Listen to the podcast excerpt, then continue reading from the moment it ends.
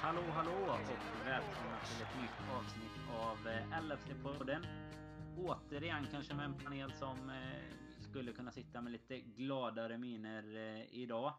Vi har ju mycket att gå igenom i vanlig ordning. Vi har en match, ett tätt matchschema här just nu. Vi spelade match igår och kommer spela igen till helgen. Så vi kommer för andra gången denna veckan och kör en liten podd här Givetvis gör vi det som vanligt i ordning med... Eh, gör vi det i samarbete med LFC.nu, den svenska supporterklubben. Eh, och sen har vi lite nyheter som jag skulle vilja pusha här till en början. Vi eh, noterar ni säkert att vi numera finns på Instagram. Det har vi pushat lite det senaste. Nu finns vi även på Facebook där ni också kan hitta oss på precis samma sätt. Ni söker på LFC-podden. Och för att komma igång lite här och delvis för att ersätta tävlingen med tips som vi brukar köra nu när det är så tätt matchande. Så kör vi en tävling där istället. Så logga in på Facebook, gilla LFC-poddens sida. Så delar ni ett inlägg som ligger fastnålat där. Kommenterar YNVA för You Never Walk Alone. Och då kan ni vinna en t-shirt från Sam Dodds som vi har samarbete med där. Eh, denna tävlingen håller på fram till söndag den 9 april. Så där kommer vi givetvis eh, lägga allt på samma plattform. Vi kommer ha våra avsnitt och ni kommer se lite vad som händer och Instagram kan ni givetvis följa oss lite bakom kulisserna som vi har sagt innan. Nu ska jag kalla in lite förstärkning här också så ska vi börja dra igång det här avsnittet. Boom! Ooh, what was this? Så där ja. Vi eh, byter faktiskt ut hela gänget här från eh, eh, veckans första podd. Det gick ju lite tufft här igår så att vi känner att vi behöver in med lite fräscha ben under det täta matchschemat. Så utöver mig själv, Daniel Forsell, så har jag faktiskt en comeback. Jocke Lundberg med här i podden. Det var ett tag sedan nu. ja, det var ju några månader sedan, men kul att vara tillbaka även om man kunde varit gladare och mer positiv. Så det är bara fram med motorsågen direkt. Ja, var det en djup depression i, efter januari-schemat som hållit dig borta kanske? Ja, det var där när, när man är skadad så försvann jag ur bilden. Så egentligen borde jag inte vara här nu heller, men eh, kanske lite mer positiva vibbar trots allt. Ja, vi får hoppas på detta. Vi har även med oss Krille, Christian Andersson. Kanske värmer eh, lite extra för dig. Vi ska ju prata upp Stoke sen, din gamla hemort. Stoke in my heart, så att säga. Ja, men det, det låter bra. Vi får hoppas att eh, det fortsätter vara efter helgen också då. Eh, mm. Att de eh, inte blir några eh, fiender för oss här. Jag tänkte att vi ska kasta oss direkt in på, eh, på matchen. Eller snarare vad som lite hände innan matchen. Du nämnde ju Mané där Jocke. Han eh, blev ju mer eller mindre bekräftat av Klopp inför matchen mot Bournemouth här när elvan kom. Att han kommer bli borta resten av säsongen. Han sa väl att han hade blivit förvånad om han spelar något mer. Och där har vi lite skrämmande fakta egentligen. Att vi har faktiskt inte vunnit en enda match nu då när man räknar med gårdagen där vi har saknat Mané. Eh, Origi ersatte ju där uppe egentligen. Naturligt kanske, men eh, vad känner du dig Jocke? Håller, håller det måttet nu slutet av säsongen här utan Mané? Eh, precis som du säger, fyra matcher, noll segrar, två kryss, två förluster. Och det är även väldigt få mål gjorda framåt. Eh, om det håller, alltså det... Personligen kan jag tycka att det kanske var, trots nu poängtappet, kanske den bästa matchen vi gjort utan honom igår. Eh, offensivt framförallt, inte defensivt. Men eh, eh vi får ju även lägga till att både Lana och Henderson saknas och även det tillför ju liksom hela setupen. Men eh, Coutinho, Firmino klickade bra och Riggi jobbar hårt. Matchens lirare enligt mig. Eh, tar viktiga löpningar, är alltid spelbar. Eh, det är ju lite annan typ av fotboll. Så det är klart att han kommer saknas enormt mycket Mané, men det känns ändå som att vi bör ha kvalitet nog för att kämpa oss igenom de här sista matcherna. Men eh, uppenbarligen är det ju väldigt tufft. Mm. Vad tycker du där Krille om man, om man nu räknar med att man är borta här? Vi har givetvis andra avbräck också men vad tycker du blir liksom vår största förlust utan honom? Eh, vi, han är ju givetvis känd för sin, sin speed. Är det, är det bara det vi kommer att sakna eller vad, vad blir värst med frånvaron? Det är väl lite också det här raka spelet, att han vågar gå rakt mot sina försvarare med, sina, med sin speed och att han är finurlig och lite trixig. Att han skapar en sån dimension helt enkelt som ställer frågor till eh, motståndarna och försvararna. Så att, eh, han är ju svårare att hålla reda på. Och sen eh, har vi ju sett de här tre grabbarna där fram när de spelar tillsammans att det är, det är farligt. Men jag tycker, precis som Jocke sa, att Origi gjorde det riktigt bra igår och han fick ju även mycket beröm i Match of the Day av eh, Arsenals gamla storlirare Ian Wright som tyckte att han tog mycket bra löpningar och visade sig och så. Sen är det väl den här sista delen då när han hade sina avslutschanser att kunna göra mål då, som inte riktigt stämde. Men det är skönt att han visar intention i alla fall. Så hoppas vi att det bara fortsätter åt den vägen. För jag, jag tycker om honom ändå. Jag tycker han är en duktig fotbollsspelare. Om, om än kanske inte en talang längre. Men kan han ta några mer steg i utvecklingen så kan man vara riktigt bra anfallare där också om eh, något år eller två kanske. Jag, jag, jag måste säga, jag måste hålla med. Origi känns ju lite som en Kanske en diamant, en oslipad diamant som eh, just nu liksom ligger där. Antingen blir han världsklass eller så blir han eh, någonting annat. Eh, kom ju även in här mot Everton och gjorde en balja och har ju sett rätt het ut eh, varenda gång enligt mig han har fått chansen att hoppa in här eh, under säsongen. Tar ju ofta sin chans, i alla fall skapa någonting.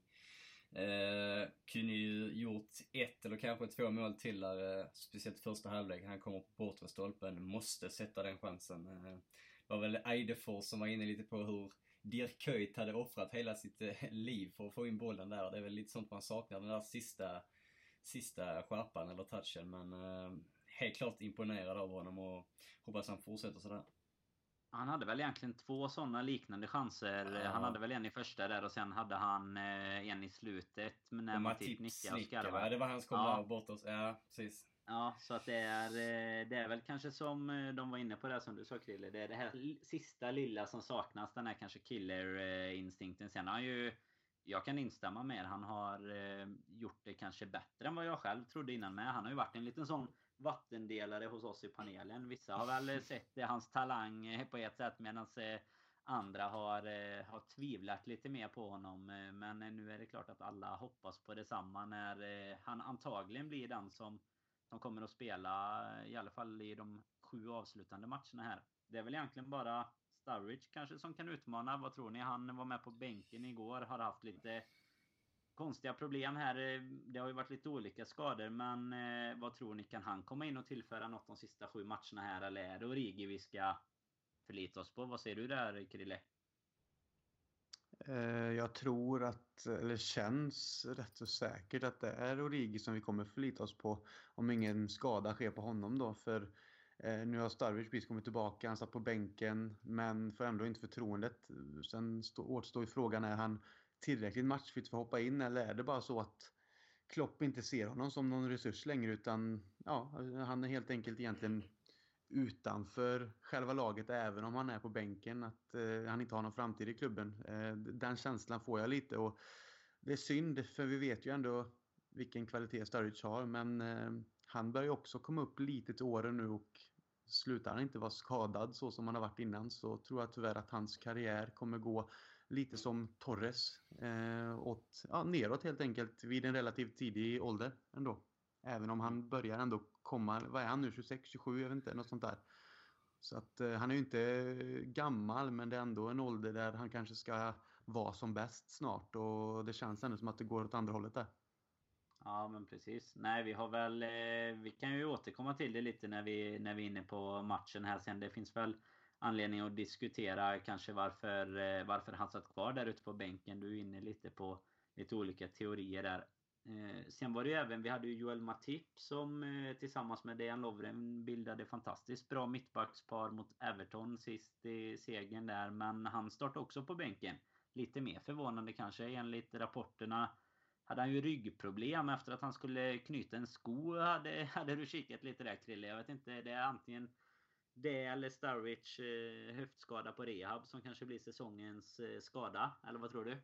Ja, det var Klopp sa ju det på presskonferensen att de hade en, en, en, en lättare träningssession eh, då på morgonen på matchdagen och bara körde lite eh, uppvärmning och höll igång och sen liksom finslipa kanske saker och då, då var det som jag förstod det på Klopp att han skulle bara egentligen böja sig ner och knyta sin sko att det inte då så bra ut när han väl skulle sträcka på sig igen så, så som jag tolkar tolkade och eh, Det är ju lite tråkigt om man är elitidrottsman och tränar varje dag och värmer upp och att det blir liksom bara en sån liten grej kan sätta såna, eh, liksom kan göra sådana stora grejer då och särskilt i en sån här, i en sån här match där man ändå vet att eh, Matip är ändå vår bästa mittback och har visat det under säsongen. Så det är tråkigt att det, att det i så fall inte är en skada som faktiskt är, är på riktigt om man säger så inom citationstecken utan det blir lite komiskt helt enkelt.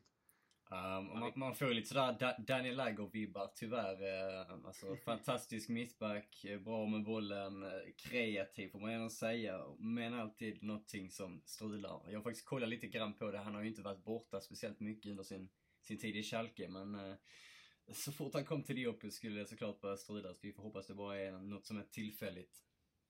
Mm, vi kommer ju ta en liten vända på mittbackarna där med. Vi har ju lite anledning att diskutera det. Vi har ju en utlånad eh, fransman här, Sarko, som eh, har skött sig fantastiskt bra i Crystal Palace och eh, verkar höja sitt marknadsvärde ganska rejält. Och så ska vi kika lite på vad, vad våran gamla mittbackslegend Jamie Carragher pratade om igår efter matchen där. Men vi, det tar vi en, en liten vända om här senare.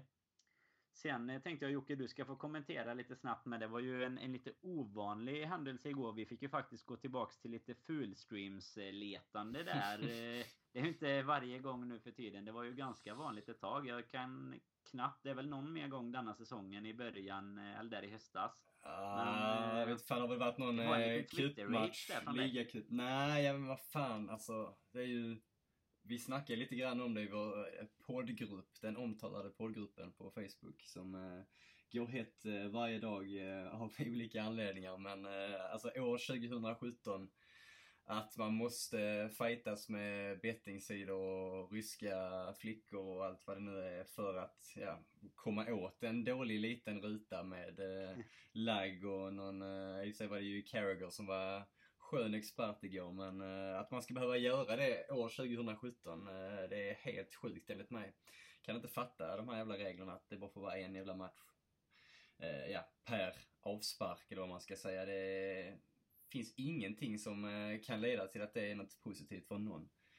Nej, så, det nej, blir mindre och mindre känns det som. Ja, nej, men jag, jag fattar inte grejen att, att Premier League inte själva tar det i sina egna händer och ja, lanserar en playtjänst eller någonting i alla fall så att du kan köpa matchen eh, eller någonting för någon peng. Eller att de tar över allting själva och på något sätt gör att du bara kan ha det på en enhet eller någonting i alla fall som blockar det här som de uppenbarligen inte vill med all, all streaming och, och, och, liknande. Men eh, nej, det, var, det tappar ju liksom det här uh, följa matchen noga. Det är ju mitt i allt så bara lägger av och sen så ska man logga in och sen uh, tar någon snubbe ner streamen och det är någonting hela tiden. Det är ju, bara det är ju en sport liksom att, att kämpa med streamen. Så, ja, jag fick, eh, jag fick faktiskt själv efter mycket om och men så jag lyckades ju se Vi, vi hade ju en skön, en skön ja, HD-stream där, som säkert många andra hade också någon eh, legend som levererar i alla fall nästan hela första halvlek var det väl?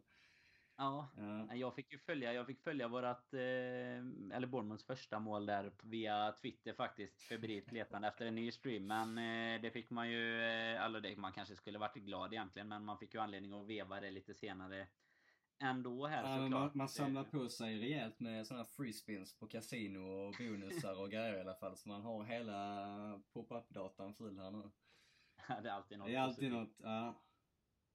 Ja, sen eh, när, vi, när vi väl fick igång matchen då i alla fall så, så fick vi ju innan det här eh, målet eh, fick vi först se Mignolet Cruyff vända sig bort från en, en tabbe. Jag vet inte om ni lyckades se det också via, via era streams där. Men sen, inte nog med det, så ska Gini Wijnaldum vid lite taffligt försvarsspel överlag ska väl egentligen Slår hem den och tycker att det verkar vara som en bra idé. Och där står eh, Afobe och gör 1-0. Och eh, mardrömsstarten är väl ett faktum. Man, eh, man känner ju igen det från eh, tidigare matcher här Krille under 2017. Det är inte första gången vi, vi får den här känslan eh, vart hän det barkar. Vad, vad säger du? Vad var känslan när du såg 1-0 komma där? Först och främst så såg jag, missade ju det här med Mignolet. Eh, det såg jag inte för det var väl någon gång då som den här streamen la ner kanske. Men när jag har sett eh, repriserna på det så jag mår ju lika dåligt som om det vore live när jag ser reprisen. Alltså att han ska hålla på så där.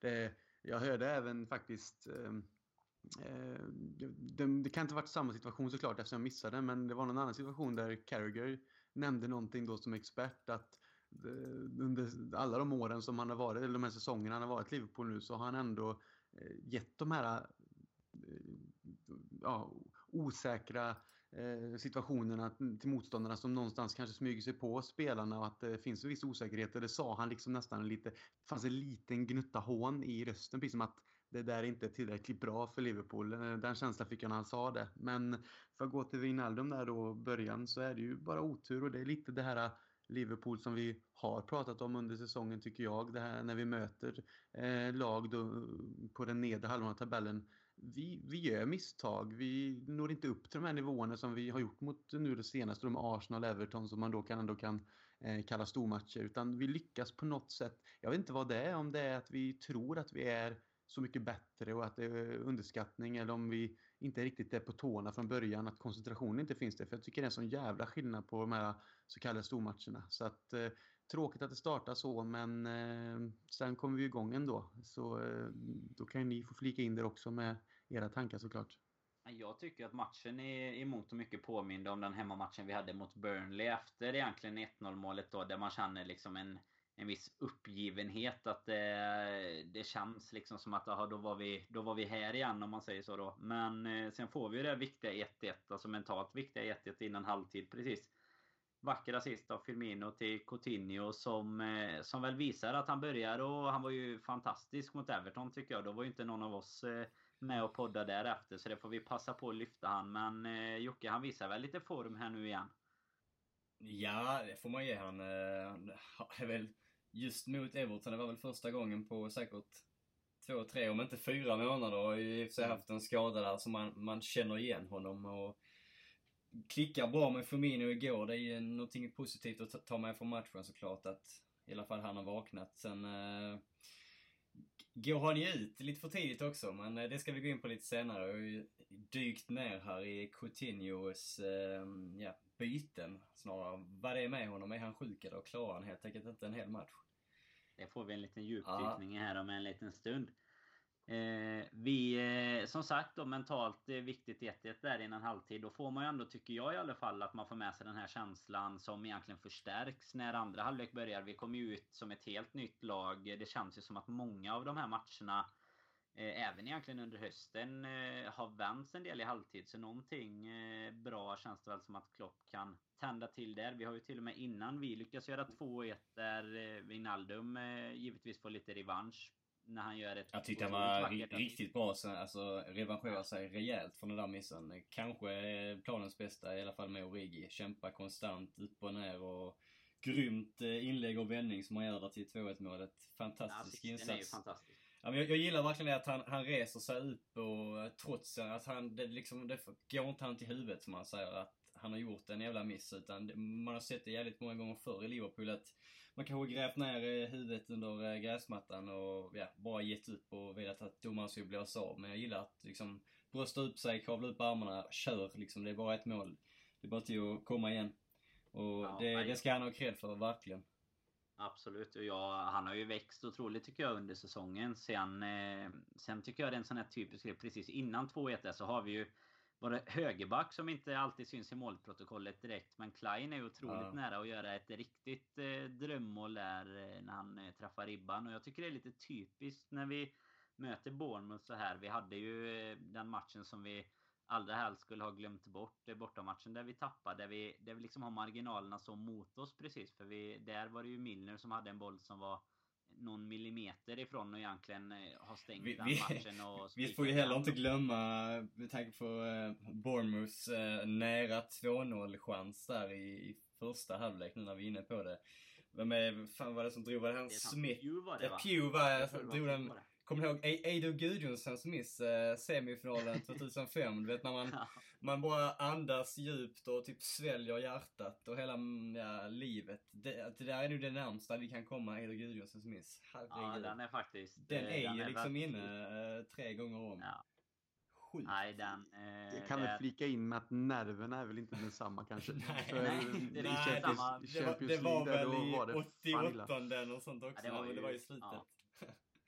Nej, men det, det var så nära vi kommer komma det där Gudjonsen. Kommer man aldrig Det glömma. var tider det. Ja, fy fan. Nej, men bara en Det parentes. Men, eh, nästan identiskt. Det var därför jag tänkte på det. Ja, precis. Nu ska du däremot Jocke få, få grotta ner dig lite här. Och strax efter att vi gjorde 2-1 så, eh, så kom ju det här som du pratade om. Coutinho byttes ut. Eh, ett avsnitt för sig är ju att Matip kom in egentligen. Vi har ju rapporterat efteråt här att eh, han eh, flaggade för illamående i halvlek redan, Coutinho. Vilket givetvis ger Klopp en, eh, en liten förvarning och tid att planera också vad han, vad han kanske ska göra om nu Coutinho behöver gå ut. Men eh, dels kan vi ju nämna lite där Jocke du- kring, du hade kikat upp lite vad Lite statistik. Vi chockades ju, Ja. eller i, i den här poddgruppen som du sa, vi pratade ju lite kring eh, att nu känns det som att han går ut tidigt i varje match. Och sen kan, vi, kan du gärna flika in lite med varför tror du att eh, Matip kommer in i, istället för Coutinho i ett sånt läge och ner på trebackslinje hemma, eller fembackslinje egentligen, tre mittbackar hemma mot Bournemouth egentligen då? Ja, men det är, det är ju framförallt något jag har tänkt på, eh, inte bara igår eller mot Everton. Det är något som man har tänkt på i ett par matcher nu. Varför går han alltid ut så tidigt? Eh, visst, ibland kan det vara att vi vilar inför nästa match eller att Ja, det är helt enkelt att det är avgjort. Men det har inte alltid varit så utan eh, det var ju sen han skadade sig där mot Sunderland i, i november. Sen är det ju inte så konstigt att han sakta men säkert matchades in. Men är det framförallt de fyra senaste matcherna vi kollar, kollar på så har han bara lirat, ja, han gick ut i 65 igår, 74 mot Everton, 73 mot City. Där hade vi, hade vi 1-1. Hade de gjort 1-1 där, eller kom det precis efter? Vilket fall som helst, 16 minuten mot Burnley hemma. Också en sån halvtajt match. Sen är, har han ju någon eh, full match där, men det är även lite mer hackigt däremellan sen, sen skadan. Jag vet inte om det är att han...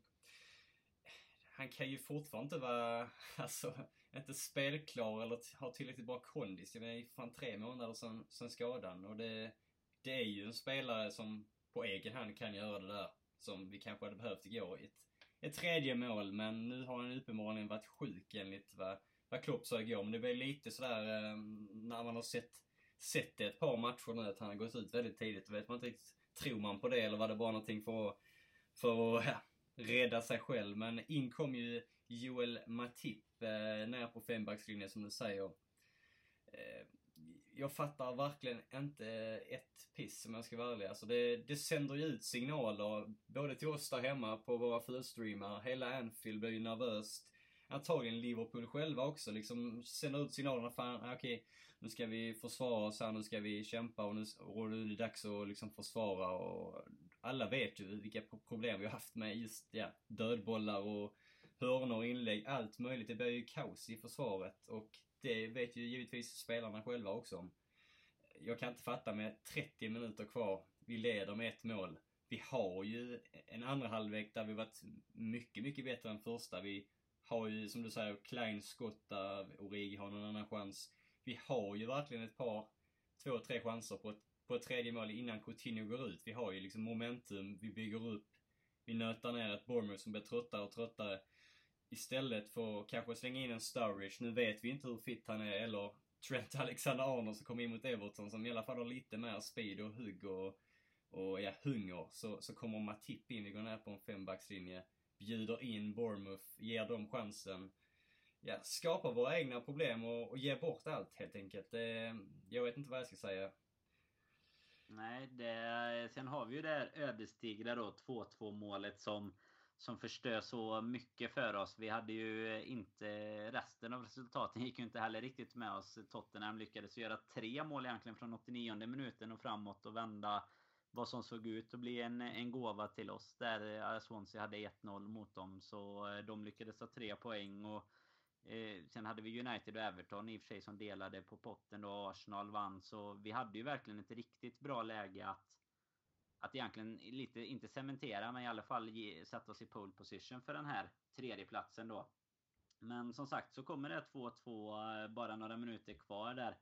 Eh, Klavan har ju fått eh, mycket skit eh, för det målet. Vad säger du Krille där? Är det med, med all rätt?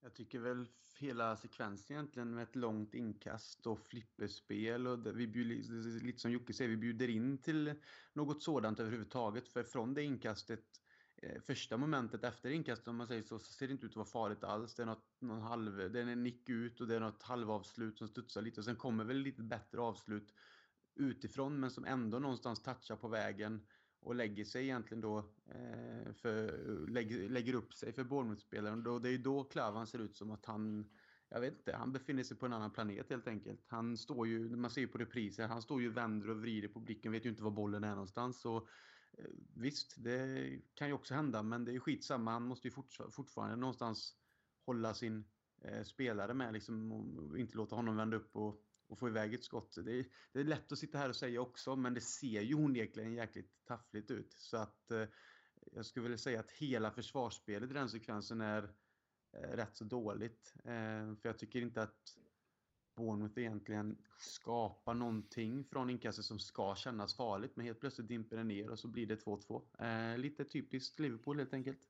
Eh, alltså det, jag känner att det finns ju inga ursäkter för, för att låta Bournemouth ta kontrollen med 25-30 minuter kvar på hemmaplan när, när det är Liverpool. Det är helt horribelt eh, faktiskt. Eh, man kan ju tycka visst att Klopp kanske försöker på sig lite nya grejer och idéer och, och tankar här nu när vi ändå har tappat man är. Vi har ju liksom ingen annan spelare i truppen som kan ersätta hans speed eller vad vi, alltså rakt av. Även Henderson och Lallana är såklart, som vi nämnt innan, stora avbräck det blir ju lite annat typ av Liverpool nu. Han får liksom skrapa ihop det han har och att kanske, ja, försöka ändå en, ja, ta 2-1-seger, 3 poäng, försvara sig till den. En skitig seger, som man brukar säga.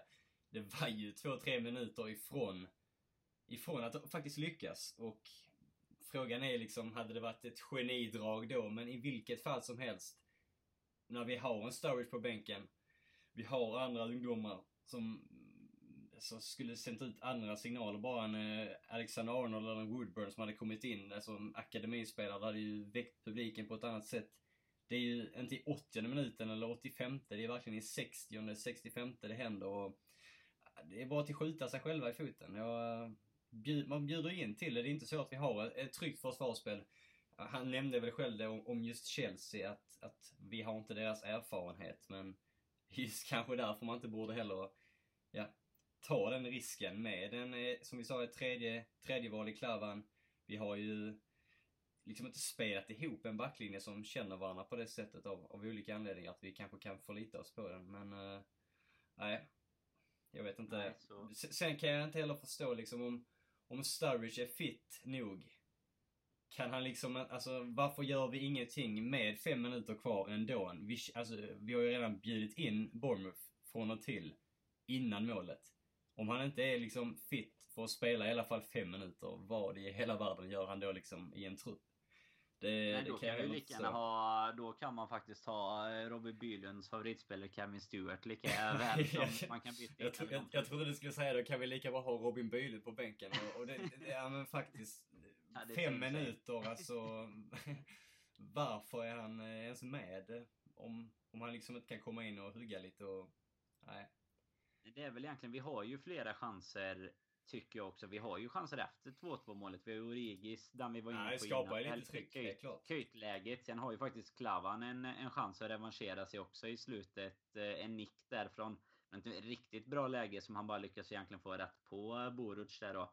Men jag är ju inne på samma spår som dig där Jocke. Jag kan inte förstå varför Sturridge... Alltså det sänder ju också en signal att hade, blir det 2-2 och liksom direkt Sturridge är uppe, nu ska du in nu, nu gör du allt du kan för att bara pressa uppåt. Jag, jag tror också att det hade gjort kanske Bournemouth än mer nervösa för att egentligen hindra det här eh, poängtappet som det faktiskt blir då. För nu är det ju återigen så då att det är ett poängtapp mot ett av lagen på den undre halvan där eh, vi egentligen då har jag kikar lite på det efter matchen igår. Vi har två av 19 attempt som man säger så, försök som det kallas till lägen då, som vi sätter. Där de har två av fyra.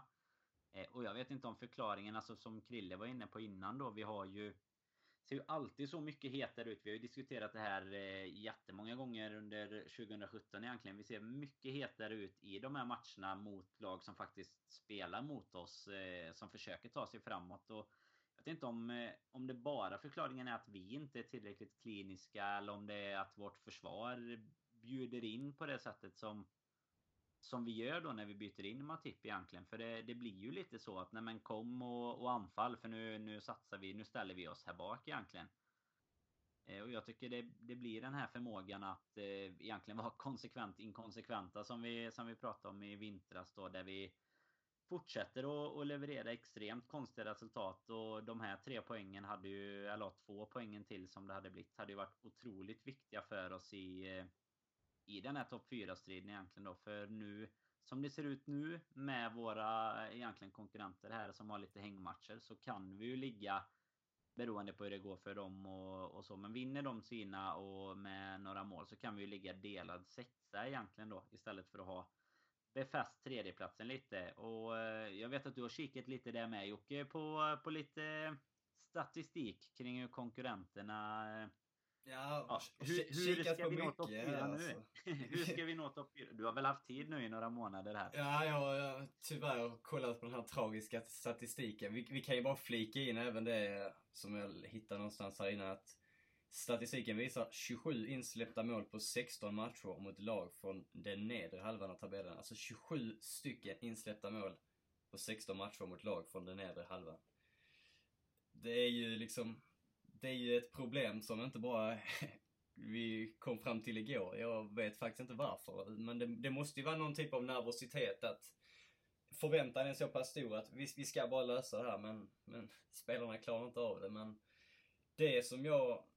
Alltså det är ju så jävla frustrerande att det, det är just igår den här ja, poängtappet kommer. Med tanke på att hade vi vunnit igår sett i alla fall till resultatet där i, Chelsea City och sen hade vi nästan räknat med Tottenham också. De vände ju, men då hade vi ju gått in med liksom, ja, Liverpool vann utan, eh, ja, toppmålgöraren eh, Mané liksom. Spelat fram till många mål, varit, ja, lagets bästa spelare. Vinner ändå, vi hade problem med det i januari. Vi bygger, sätter igång ett momentum. Dödar många av de där gamla tankarna och, och ja, snacket att vi inte kan göra det utan honom eller överlag mot, mot de mindre lagen. Samt vi kunde gått in med, inför två tuffa bortamatcher mot Stoke och West Bromwich här nu med en helt annan, kanske, helt annan tankesätt att vi kanske, kanske kunde förlorat en, eller i alla fall kryssat en av de här två kommande tuffa bortamatcherna. Men istället skjuter vi oss själva i foten och måste kanske i alla fall vinna de, i alla fall enligt mig tror jag vi max har råd att förlora en och måste vinna resterande. Så max en förlust och resten segrar med tanke på det vi nu har själva eh, bjudit in oss till. Och som du sa, vi har kollat upp lite vilka, vilka matcher som finns kvar för våra konkurrenter. Och främst i helgen är det ju lite sådär halvjämnt. Eh, vi har Stoke borta som sagt. Vi har ett Chelsea som eh, har Bournemouth borta. Det kanske kan, eh, kan vi få hjälp eh, istället på andra hållet. Vi har Tottenham som har Watford hemma. City har Hull hemma. United har Sunderland borta. Crystal Palace eh, möter Arsenal hemma. Så kanske kan Sakho hålla tätt där också. Men ska vi kolla lagen emellan våra konkurrenter här så har ju United Chelsea hemma, Arsenal borta och Tottenham borta kvar. Vi har ett Arsenal som har både Tottenham borta och United hemma. Tottenham själva har Arsenal hemma och United hemma. City har ju på pappret likt oss ett lite lättare schema. Vi kan väl dra det i sin helhet. Det är just på grund av det. Som sagt, halt i helgen, Southampton borta, West Bromwich hemma, Middlesbrough borta, Crystal Palace hemma, Leicester hemma och Watford borta. Vi har eh, allas eh, legend eh, Robin Bylund har ju gjort en beräkning här nu på, på spelschemat plus tabell och han har då kommit fram till eh, ett, ett troligt scenario, det är i alla fall inte omöjligt scenario att om City, Arsenal och United vinner alla sina matcher mot, ja, på pappret de vanliga lagen. Vi kan ju twittra ut den här bilden för övrigt med, med hela spelschemat som finns kvar. Men att de kryssar när de spelar toppmatcherna. Det vill säga mot varandra eller i övriga lag i topp 7, Everton inkluderat, så slutar det enligt följande att City kniper 77 poäng, Arsenal 75, och United knipper 73. Vilket man nästan kan påstå är att de därmed går max. Eh, Det har United och Arsenal som sagt även bortamatch mot Burnley, Southampton och Stoke. Lite som Liverpool har. Liverpool behöver i så fall minst 76 poäng. Alternativt 75 med målskillnad inkluderat för Champions League. Så 15 eller 16 poäng på de sju matcherna. Sex vinster så är vi hemma. Vågar Robin eh, utlova i alla fall. Annars råder att förlora en och kryssa en, säger han. Men han, eh, ja, han avslutar också med att klarar vi inte topp fyra ska alla avgå, säger Robin. Så eh, jag vet inte, vad, vad, vad säger du där Krille? Ska alla avgå om vi inte klarar topp fyra? Mm, Riktigt så illa kanske inte. Jag vill ju absolut inte att Klopp ska avgå till exempel. Men jag förstår, jag förstår hur han, eh, vad han menar, hur han tänker. För det är ju, eh, det är ju helvete Med, med våra egna, vårt egna spelschema, vad vi har kvar, så, så är det bara för oss själva att kasta bort det kan man säga. Ja, men det är ju lite där också som vi har sett Liverpool under hela säsongen. Att vi har ju varit så jävla starka mot eh, topplagen och inte förlorat egentligen mot något av dem. Men att vi ändå då kan göra de här bottennappen mot de lite sämre lagen. Visst, det kommer alltid hända. Men att göra det så jävla ofta och släppa in så många mål som du, som du nämner också då eh, mot dem är ju någonting. Så att kan, kan vi helt slip, kan vi helt slippa bort det inför nästa säsong så då är vi med och utmanar om titeln liksom. Det handlar ju om sådana saker. Man måste man måste, man måste klara av de där grejerna om man ska vara med i toppen av Premier League. Men eh, att blanda och ge på det sättet är liksom... Eh, nej, det håller inte. Så vi hoppas att det är någonting som... Eh, det är givetvis att Klopp har sett detta och kommer jobba med det. Men det får liksom inte fortsätta på den banan när nästa säsong drar igång. För eh, det är någonting vi måste utvecklas ifrån. Annars så spelar det fan ingen roll vem vi har på managerpositionen. Nej, det känns väl lite också som att eh, vi, eh, om inte annat, har ett eh, otroligt guldläge att komma tillbaka till den där jävla champion som man brukar säga. Och jag menar, vi har ju inte spelat det så ofta de senaste åren så det hade väl varit trevligt om vi om vi faktiskt kunde se till att greja det här men... Eh, Känns ju det är- dock eh, lite som att vem som än blir liksom det fjärde bästa laget, det är ju liksom ett legendgäng på, på ett sätt. Man har ju sumpat sina chanser och gjort ja, sjuka och märkliga grejer under säsongen. Man har United med alla sina kryss. Hur många kryss är det inte hemma egentligen? Vi, vi har ju Liverpool mot, mot alla skitlagen så att säga. Arsenal upp och ner som en, som en jojo, Wenger ska sparkas och allt möjligt. Det, det är ju liksom ett lag som ska vara så jävla nöjda om de, något av oss då kommer, kommer på, som på en fjärde plats. United, Arsenal eller Liverpool, vem det nu än blir. Ska vara så jävla nöjda om man lyckas ta den där, sett i sina problem och hur det har gått upp och ner. Ja men vi har ju nämnt det innan med egentligen Ja. just det här med att eh, alltså skillnaden är så hårfin mellan att säsongen blir eh, inte en succé kanske men för Liverpools del hade man väl fått säga att då har man ju nått sitt mål. Alltså vi, vi ska ta oss tillbaks till Champions League jämfört med om man kommer femma och, och hamnar utanför. Eh, Det är verkligen hårfint mellan att vara geni och, Jag och hoppas idiot i den bara, här branschen. hoppas bara det är avgjort till den där Middlesbrough-matchen då, då vi alla ska dit och jag, jag pallar inte ha Ja, mig, jag pallar inte ha mig skit i min eh, ryggsäck nu alltså. Jag har förstört Europa League-finaler, ligacupfinaler, det har varit Gerards slip där mot Chelsea. Jag, jag pallar inte ha mer eh, press på mig att det är jag som ska åka dit och förstöra utan eh, du har en sån där most wanted post i Liverpool som hänger upp Ja, och bara hitta snart den här är jäveln det- och skjuta honom direkt så att det slipper gå till Överallt, vågar inte röra mig där de äh, Anfield-områdena. Nej men alltså vad fan, antingen... kan väl breaka, kan vi inte breaka i podden att om det, om det inte är klart eh, att vi antingen inte Nej, tar oss till. CL eller eh, att vi gör det så, så kan du faktiskt stanna hemma i Helsingborg. Det finns roliga saker att göra där också. ja, helt klart. Nej men eh, det får fan vara avgjort eller kört innan dess. Jag, jag pallar inte ha det. Nej, jag tycker synd om er andra som eh, måste umgås med mig men... Eh, ja. Jag tänkte att vi ska, vi ska kolla lite mer här med på det här. Vi pratade lite om mittbacksfrågan innan eh, när vi pratade kring matchen. Vi, vi hade ju Carragher som du var inne på Jocke. Vi fick något fint utav de här fullstreamarna. Carragher satt ju som expert där. Alla blev lite chockade när man hörde det och jag kan tänka mig att de flesta som fullstreama matchen hade väl samma eh, kommentatorer så sett. Eh, så han diskuterade ju under matchen där egentligen lite kring att Klavan spelar så pass mycket och han, eh, han var ju ganska hård i sin bedömning och sa att han spelar ju egentligen alldeles för många matcher. Och till slut kommer det också att synas. Det twittrar han även ut efter under matchen här. Och dels så, så är det ju sant, vi saknar ju den här kontinuiteten. Det var vi ju inne på lite innan. Men vad tror du där Krille om man tänker Alltså nu, vi har ju sett hur fantastiskt bra vi, vi kan vara. Vi har sett hur eh, pinsamt dåliga vi egentligen kan vara. Men, men är det egentligen, alltså är Carroll rätt ute där? Är nyckeln att vi hittar två mittbackar som funkar och har vi de mittbackarna i truppen idag tycker du? Alltså till exempel Matip och Lovren då om man tar dem framförallt. Jag tycker väl att han är rätt ute. Man har ju ändå sett under Liverpools upplagor de senaste ja, 10-15 år egentligen med så långt tillbaka som till exempel med Hyppie, Shaw och sen Carragher, Hyppie och Agger och ja, jag ära och då liksom att han... Men det är väl, kan, har väl inte kanske varit lika säkert men när det har blivit de här eh, byten och rotationerna på mittbackar hela tiden så har det ju inte riktigt sett lika stabilt ut som det gjorde tidigare.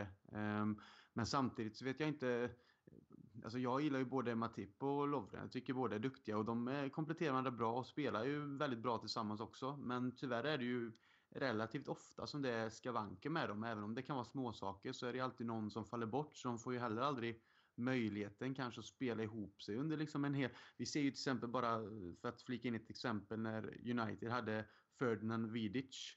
Eh, Vidic hade väl lite skador sen på slutet men under en väldigt lång period så var väl det egentligen Premier Leagues bästa mittbackspar tillsammans med även John Terry och Carvalho under en lång tid. Och de, de spelar ju varenda match nästan hela säsongen. Visst att det är lite någon kanske avstängd någon match och det kommer någon liten småskada som håller borta kanske någon match också. Men det var aldrig några längre perioder och då har man ju sett hur framgångsrikt det kan vara. Och det känns verkligen inte som att Liverpool haft ett sånt stabilt mittbackspar på, på väldigt, väldigt länge. Så ska man satsa ordentligt så tror jag det är som vi har varit inne på i podden tidigare att man behöver hitta en klassspelare till på mittbackspositionen som då ska komplettera Matip och sen att man har konkurrensen då som Lovren till exempel eh, på bänken eller om det är den andra mittbacken som ska ligga precis på gränsen också men att det blir en högre konkurrens än den vi har nu och att de faktiskt får förtroendet och vet att det är ni som ska spela. Jag tror det är absolut eh, så pass viktigt som Carragher påpekar. Och han kan ju sitt också. Han har ju varit med så länge så att eh, det är nog en stor nyckel till framgång tror jag.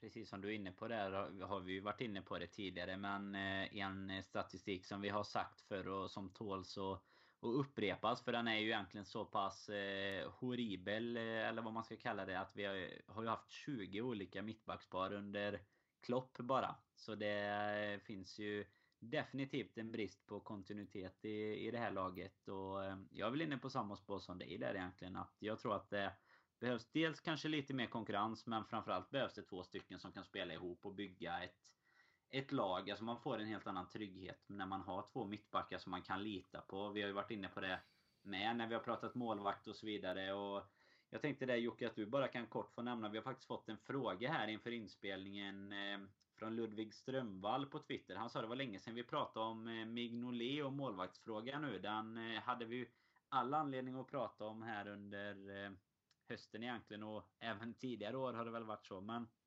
hur, hur känner du det nu? Han har ju inte av, det är väl av goda anledningar oftast, har han ju inte behövt eh, hamna i, i skottgluggen så att säga. Vad har han överbevisat oss? Eller är prio fortfarande att vi ska förstärka hans post? Ah, jag, jag, vet inte. Jag måste bara säga jag håller med Krille först och främst. Eh, man bygger ju sitt lag med två bra mittbackar, ett bra försvar. Kolla bara på alla stora lag genom alla tider. Eh, främst, eh, inte främst i Premier League, men eh, överlag.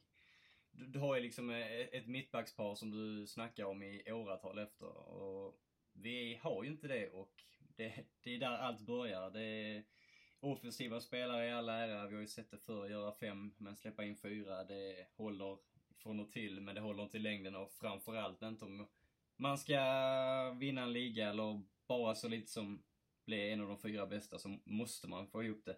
Sen vet vi heller inte liksom, vi kan kan ha haft lite otur. Sakho kom ju ändå som en hyfsat stor värvning. Alla visste ju om vem han var och kostade ändå lite pengar liksom. En, en, det var ju en satsning i alla fall för att få in en mittback. Det, det gick antagligen inte. Lovren och Matip har vi försökt. Vi såg ju i alla fall lite fina Ehm, ögonblick när de har legat tillsammans. Men, men, som sagt, de har ju inte kunnat göra det allt för ofta den här säsongen. Och vem vet, det kanske, kanske sätter sig om de eh, liksom slipper, slipper skadorna och spelar, spelar ihop sig. Men eh, det är klart det är väldigt få alternativ bakom. Vi har ju haft Lukas eh, som, som mittback också. Både han och Klavan är ju kanske inte det som är tillräckligt bra. Men eh, på ta Mignolet, jag vet inte alltså det...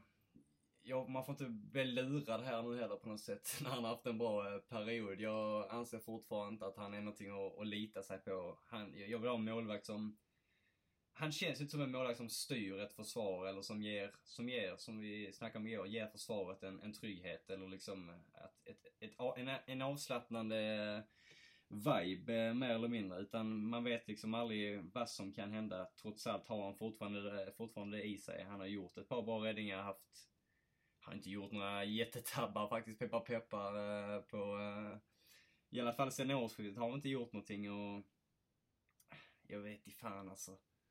Jag är jävligt kluven om jag ska vara ärlig. Jag uh, hade ju inte blivit ledsen om vi hade satsat på någon annan men vi har ju Karius också som givetvis har köpts in som har i alla fall konkurrerat till Mignolet men uh, uh, man kan ju heller inte peta honom så länge han inte gör bort sig och han har ju inte gjort bort sig än så länge. Nej, nej men precis. Eh, nej, det är Men sen, sen vet man heller inte liksom, ja. alltså, åh, om det är en sån grej liksom, att vi, vi sätter ett jävligt bra försvar, han själv växer med det liksom. Han har ju inte alltid haft de, de bästa lirarna framför sig och det har ju varit mycket förändringar även under Rogers. Eh, det har ju varit mycket problem med mittbackar, skador, vem ska vi ha, vem ska vi inte ha? Han har varit bra, han har varit usel.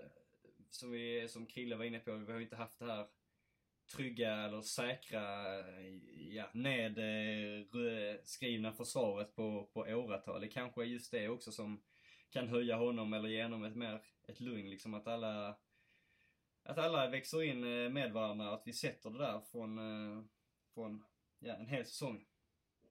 Ja men precis.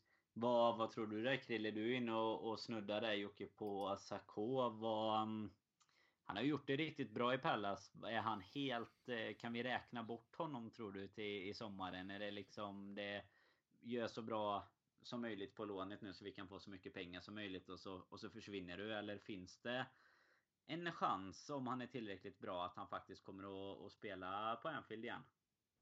Ryktena säger väl ändå att, vi, att Liverpool är ute efter att i alla fall försöka få 30 miljoner pund för honom. Så att magkänslan är väl att Liverpool försöker sälja honom och casha in. Ehm, och det har ju sina orsaker som vi har diskuterat tidigare. Det här med kanske det moraliska och, och Klopp, hur Klopp ser på truppen och hur man ska anpassa sig och allt det här. Vi hade ju allt som hände där när de var på turné och grejer. Vi behöver inte gå in djupare på det. Men han har ju varit väldigt stabil i Crystal Palace. så han, jag tycker han, han är en duktig mittback. Han har ju pondus och han är stor och han, han ser lite klumpig ut. Men han har ju ändå något slags spel i sig. Det är ibland som det kan bli något misstag. Men ändå så trycker han till passningarna upp. Alltså han liksom far till passningar och oftast så sätter han dem. Och han är liksom... Han är en duktig mittback men jag vet inte om han är den där mittbacken som kanske skulle ge stabilitet Eh, till Liverpools försvarslinje på det sättet. Så att även om jag gillar Sarko så tror jag ändå att Liverpool nu med den rådande situationen gör rätt i att försöka sig kvitta honom och försöka då få ut så mycket pengar som möjligt. Om det då blir Crystal Palace eller något annat lag som köper dem, det, det får vi se. Men eh, jag tror det är eh, för Liverpools del eh, helt rätt att kanske söka mittback på annat håll och vem det då skulle vara är också någonting vi får återkomma till när det väl blir sommar och transferfönstret eh, öppnar igen helt enkelt. Mm. Det finns ju sannerligen pengar i, i Premier League och Palace och de här klubbarna i alla fall så man kan väl hoppas att om det är så att han ska försvinna så så är det dit eller någon annanstans där eh, de kan casha upp lite. Vad om du tar kort det Jocke, om du skulle, om du lägger undan de, eh, om man säger problemen som kanske är mellan han och, och Klopp så med spelmässigt. Tycker du att han eh, ska han gå in eh, före Matip Lovren i en sån konkurrens? Nej, alltså, ja, nej det tycker jag nog inte. Det, nej, bara släpp honom vi går vidare helt enkelt. För att vara kort och inte gå in på för mycket. Nej, jag, jag känner liksom bara inte något, eh, någon trygghet. Eh, som, som jag gör med till exempel Matip. Jag, det har ju varit mycket mer än bara det här med ja, tjafset med Klopp. Det har väl känts lite sådär oseriöst från och till. Och visst, han eh, är en krigare och har ju rätt inställning men eh, det här han har visat upp i sidan om eh, hur han har varit där. Jag, jag, jag tror ändå att Klopp tycka vad man vill om det är rätt eller fel, men det känns ändå som man han vet ju, eller jag, jag litar i alla fall på att han gör rätt när, när han liksom väljer att inte inkludera honom i en trupp, för han har ju... Han bygger ju allting på att ja, alla ska va, kämpa tillsammans och alla ska... Ingen är större än den andra och det, det är ett lag. Och eh, jag tror redan att han måste ändå... Han har ju inte gjort det bara för att, utan anledning så att säga. För eh, det är ju, det är ändå en helt okej okay spelare från början, men... Eh, nej, jag, eh, jag bara säljer honom. Alltså jag förstår ju inte det här med 30 miljoner pund. Jag hade ju nästan varit glad om jag hade fått 15 för honom. Jag vet inte fan, det låter ju som, eh, ja, det är ju nästan party om vi får in 30 miljoner för honom.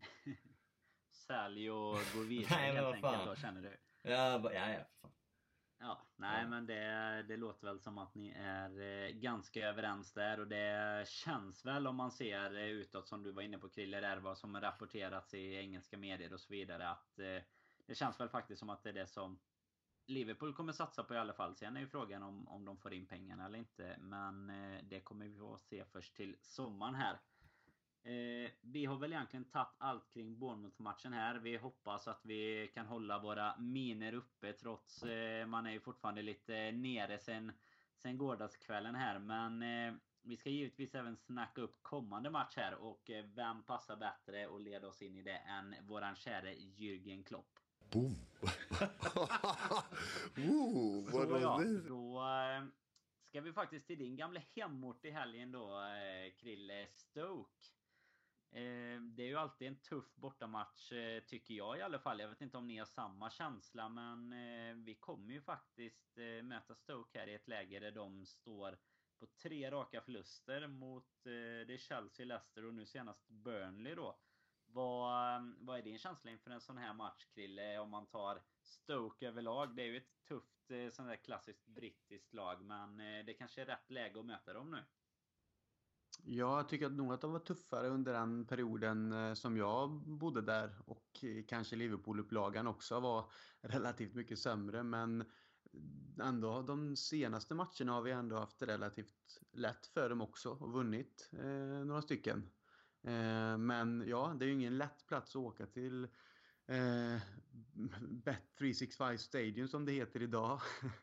Ehm, är ju en arena där det är bra tryck. De sjunger bra, Stoke-fansen. eh, eh, Och det är, liksom, det är kallt och jävligt också ofta. Även om det kommer värmeböljor in i England eh, nu framöver så är det liksom oftast det blåser genom hela jävla arenan för det är öppet på hörnorna och det, det är inget kul ställe att åka till och spela fotboll just. Ehm, så att det, det är en sån där match som man eh, alltid eh, ser fram emot med eh, obehag tycker jag. Ehm, Stoke, även om de har förlorat tre matcher, jag har inte jättebra koll på dem just för tillfället.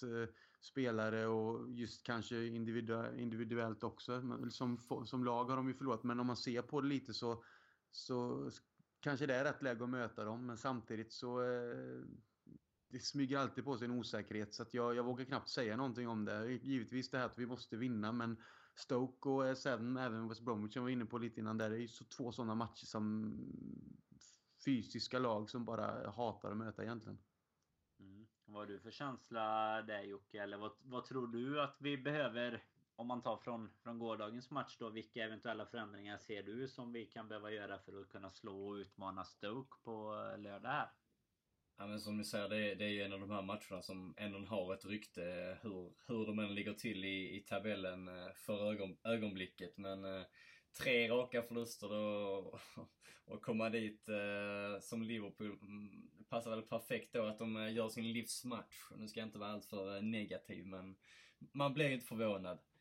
Eh, det är väl bara att köra, vi har ju inte så mycket val helt enkelt. Vi har ju tre nyckelspelare i alla fall som saknas. Eh, det är väl bara att ställa ut samma spelare som, som startade här igår. Jag är lite osäker där, med, jag hoppas ju Matip kan, kan starta. Det han lär han ju antagligen göra. Sen även Coutinho, om det nu bara var en sjukdom så bör han ju vara frisk och, och redo från start. Annars, vi snackade lite om det här, eh, i alla fall vid sidan om igår, att vi måste få in Firmino lite mer centralt. Jag vet inte hur, hur ni känner där i övrigt. Kan vi nog inte göra så mycket. Det är, det är den här truppen vi har, det här laget vi har. Instämmer du med Jocke där Krille? Firmino in centralt och vilket givetvis leder Origi ut på, på en kant då? Eh, alltså ja och nej kanske. ja men det är väl lite det att kanske i gårdagens eh, match på hemmaplan så kanske man hade behövt se lite mer Firmino centralt just för pressspelet och det här att han är kvickare än i de första metrarna skulle jag säga och lite mer aggressiv än Origi. Eh, men kanske mot Stoke att man behöver den fysiska delen och attributen i det och då är ju Origo bättre att man kanske har någon som kan trycka ner deras backar lite. Men jag ser ju också att det här med att byta positioner och så, att det inte... Visst, sätter man press så kanske Firmino kan vara uppe, men i vissa moment kan Origo ta sig in centralt och att man ändå då försöker, som jag sa i början, att man ställer lite frågor till försvararna. Men eh, jag har ju sett innan att Firmino centralt har fungerat eh, väldigt bra och särskilt nu när samspelet med Coutinho verkar komma igång också så antingen eller liksom att Origo bara får ta det att gå ut på en kant eller att eh, Klopp helt enkelt satsar på Origo där framme och, ja, och låter honom få förtroendet. Eh, men sett till pressspelet och om vi vill spela på det sättet så skulle väl jag säga Firmino, Firmino längst fram, helt klart också. Mm. Det var ju eh, sist vi möttes, eh, det var ju julruschen där eh, dagen efter eh, annandagen om jag minns rätt. Det var ju ingen Boxing Day-match för oss den här säsongen. Då såg det ju tufft ut, precis som eh, många matcher har, har gjort. Men det var ju en av de här matcherna som vi faktiskt eh, fick ett litet målkalas. Vi vann med 4-1 och vi hade en av de spelarna jag alltid tycker gör mål mot Liverpool när vi möter Stoke. Det var ju Walters. Jag tycker alltid att han är där och och får in en på något konstigt sätt. Eh, sen är de ju ett litet lag av gamla Liverpool-spelare. Peter Crouch och, eh, och Joe Allen och sen... Eh, jag vet inte om ni har sett det men det måste bara nämnas Charlie att Charlie Adam. Ja, alltså när han lyckas, Satt han lyckas det på sin frispark från eh, när han ska lägga en hörna. Så vi kan väl bara tipsa alla våra lyssnare här att har ni inte sett det så sök. Eh, jag tror det räcker med Charlie Adam Corner så ska ni nog få upp det som första som första träff där tror jag. Men, eh, men spelmässigt så eh, Jocke, vad tror du? Vad behöver vi komma upp i? För vi, vi har ju Det är ju uppenbarligen, vi har ju problem med de här lagen. Vad kan det vara en, eh, en nytta och eh, för att, för att inte få det här mot oss då egentligen. Vi har ju haft mycket sådana här starter egentligen. Vi släpper in första målet och så. Vad kan det vara en, en tanke på att vi ska Alltså gå ut. Vad, vad, tror du? Vad är det viktiga mot ett sånt här lag? Ska vi gå ut och liksom se till att inte släppa in första kvarten 20? Eller är det det här extrema pressspelet som vi gör mot de bättre lagen? Kan det funka lika bra om vi åker på en sån här match?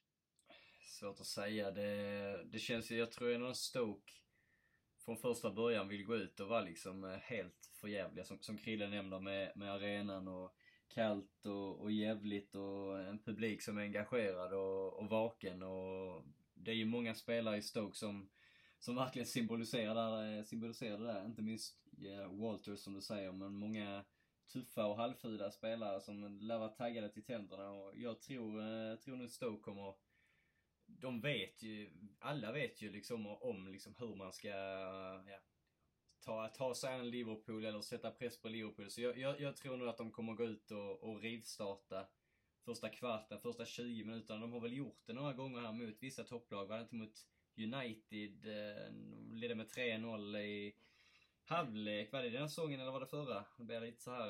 Eh, I alla fall gått ut och varit tuffa och fått in både ett och två mål. Jag tror nog det är lite sådär de kommer gå ut och försöka ta tag i det direkt och verkligen chocka Liverpool och ja, Mm. Nej men precis. Ja, den vågar jag faktiskt inte svara på. Som du är inne på det. Jag minns att de spelade 1-1 i alla fall när vi var över på den här härliga Swansea-förlusten i januari då eh, Rooney gjorde någon, något uh, mål på, på Fergie-time i vanlig ordning. Ja. ja. Eh, om du får eh, gå först ut här då Krille på, på känslan och, och så vill vi ha ett resultat nu som, som jag sa innan då. Vi kommer ju tyvärr inte lägga upp någon tävling den här gången lite på grund av det tajta schemat som vi har här då. Det är ju match redan på lördag klockan 16. Igen, vad, vad säger du Krille? Vad kan vi räkna med på, på lördag? Ja, det är lite det här. Det är svårt. Jag har ju en hatkärlek till Stoke, men inte som lag såklart. Men eh, jag vet ju att det är så jäkla tufft och eh, själv stått och tagit emot lite kalla bollar där på bortasessionen eh, när det blött och jävligt. Så att jag vet ju att det kommer bli Det kommer bli att kämpa. Man måste liksom gå in med 100% från början och veta att nu blir det jobbigt och hårt om man ska vinna en sån match. Jag tror tyvärr att det kan bli ett, ett kryss som vi får ta med oss och då säger jag faktiskt att det blir 1-1. Ja, fan hade precis samma tanke. det var den du tänkte. Men, eh, jag tror inte vi, vi gör så många mål och jag, och jag tror också faktiskt det blir 1-1. Eh, på något sätt så är det väldigt sådär typiskt, typiskt Liverpool att aldrig göra någonting enkelt som vi alltid har sagt här med såvida det är finaler eller gå vidare från en grupp eh, inom turneringen och vända en match och göra fyra mål på två minuter. Nej, men, eh, ska vi gå till Champions League om det är menat så är det väl i den där jävla Middlesbrough-matchen vi, eh, vi ska göra det eh, på något sätt. Jag tror ändå vi kommer... Det kommer vara många fler slip-ups, inte bara från oss men även för, från de andra lagen innan det, det blir avgjort. Men eh, kryss och eh, fortsatt eh, kämpigt och jobbigt här varenda helg för oss. Mm, det kommer eh, vara lite känslor inblandade här om man säger så under våren såklart. Eh, det blir, eh, vi har ju sagt det hela säsongen känns det som inför varje match nästan att nu är den här matchen är riktigt viktig. Men nu, nu kommer det faktiskt stämma varenda vecka i och med att det är så jämnt som det är. Eh, jag eh, är väl egentligen inne på samma spår som er. Jag tycker jag brukar vara ganska positiv i mitt tippande. Men, eh, men jag, jag tror vi får det riktigt tufft. Men jag tippar kryss med så jag säger väl 2-2 istället då för att sprida ut våra bets lite. Så, så folk vet var de kan lägga sina pengar någonstans. Med det så kommer vi egentligen dra ihop det här avsnittet. Vi pushar väl en extra gång egentligen. Eh, kom ihåg eh, att gå in på Facebook och följa oss och eh, tävla där också. För trots att vi inte kan leverera någon tipstävling så kan ni givetvis ha chansen att vinna en snygg t-shirt från Sam Dodds ändå. Eh, kan dra lite igen. Ni går in på LFC-podden på Facebook. Ni delar det här tävlingsinlägget och kommenterar eh, YNVA då. Ni måste givetvis gilla sidan också. Inte bara, inte bara gå in på sidan. Med det så får vi tacka så mycket för att ni har lyssnat. Så får ni ha eh, några fina dagar här innan vi hörs igen i början på nästa vecka med eh, förhoppningsvis en seger i bagaget. Ha det gott!